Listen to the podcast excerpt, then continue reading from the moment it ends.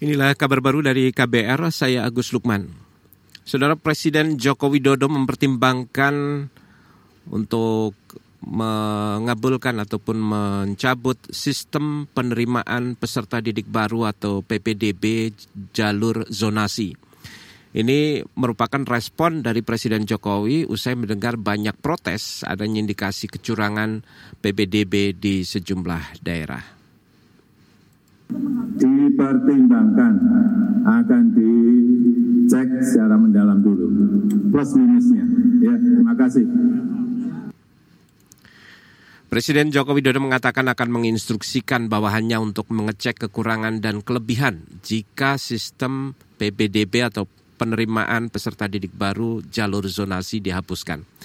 Sebelumnya, Saudara Menteri Koordinator Pembangunan Manusia dan Kebudayaan Muhajir Effendi juga memberikan pertimbangan untuk mengkaji tentang PBDB sistem atau jalur zonasi setelah maraknya orang tua murid yang melakukan kecurangan agar bisa lolos dari PPDB zonasi. Kecurangan itu antara lain mengaku miskin agar anaknya bisa ikut jalur afirmasi walaupun ternyata memiliki uh, ekonomi yang lebih baik supaya bisa lolos sistem zonasi menggunakan alamat orang lain. Kita ke informasi hukum, Saudara Mahkamah Agung menolak proses hukum peninjauan kembali atau PK yang diajukan Kepala Staf Presiden Muldoko tentang kepengurusan Partai Demokrat. Juru bicara Mahkamah Agung Soeharto menyebut pendapat hakim telah menyatakan sengketa kepengurusan Partai Demokrat hendaknya diselesaikan di internal melalui Mahkamah Partai.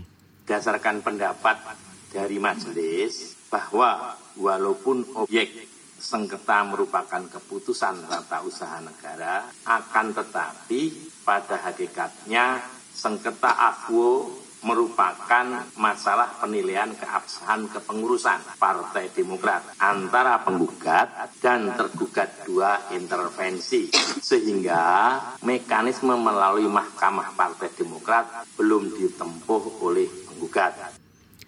Juru bicara Mahkamah Agung Soeharto menambahkan, penggugat juga dihukum membayar biaya perkara pada peninjauan kembali atau PK ini sebesar 2,5 juta rupiah.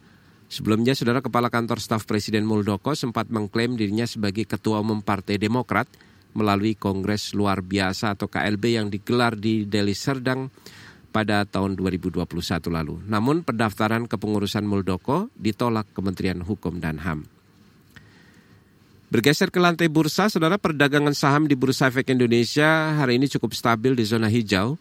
Indeks harga saham gabungan IHSG sore ini ditutup menguat 0,26 persen atau naik 18 poin ke level 6.893 atau mendekati 6.900. IHSG terangkat oleh kenaikan tujuh indeks sektoral seperti sektor transportasi dan teknologi. Ada 23,7 miliar lembar saham berpindah tangan dengan nilai transaksi 27 triliun rupiah lebih. 260-an saham menguat, 250-an saham lemah, dan 220-an saham stagnan. Sedangkan nilai tukar rupiah juga bergerak positif di mana kurs rupiah di pasar spot bergerak naik dan ditutup di level 15.185 rupiah per satu dolar Amerika. Ini membuat rupiah menguat 0,33 persen dibandingkan penutupan hari sebelumnya. Inilah kabar baru dari KBR, saya Agus Lukman.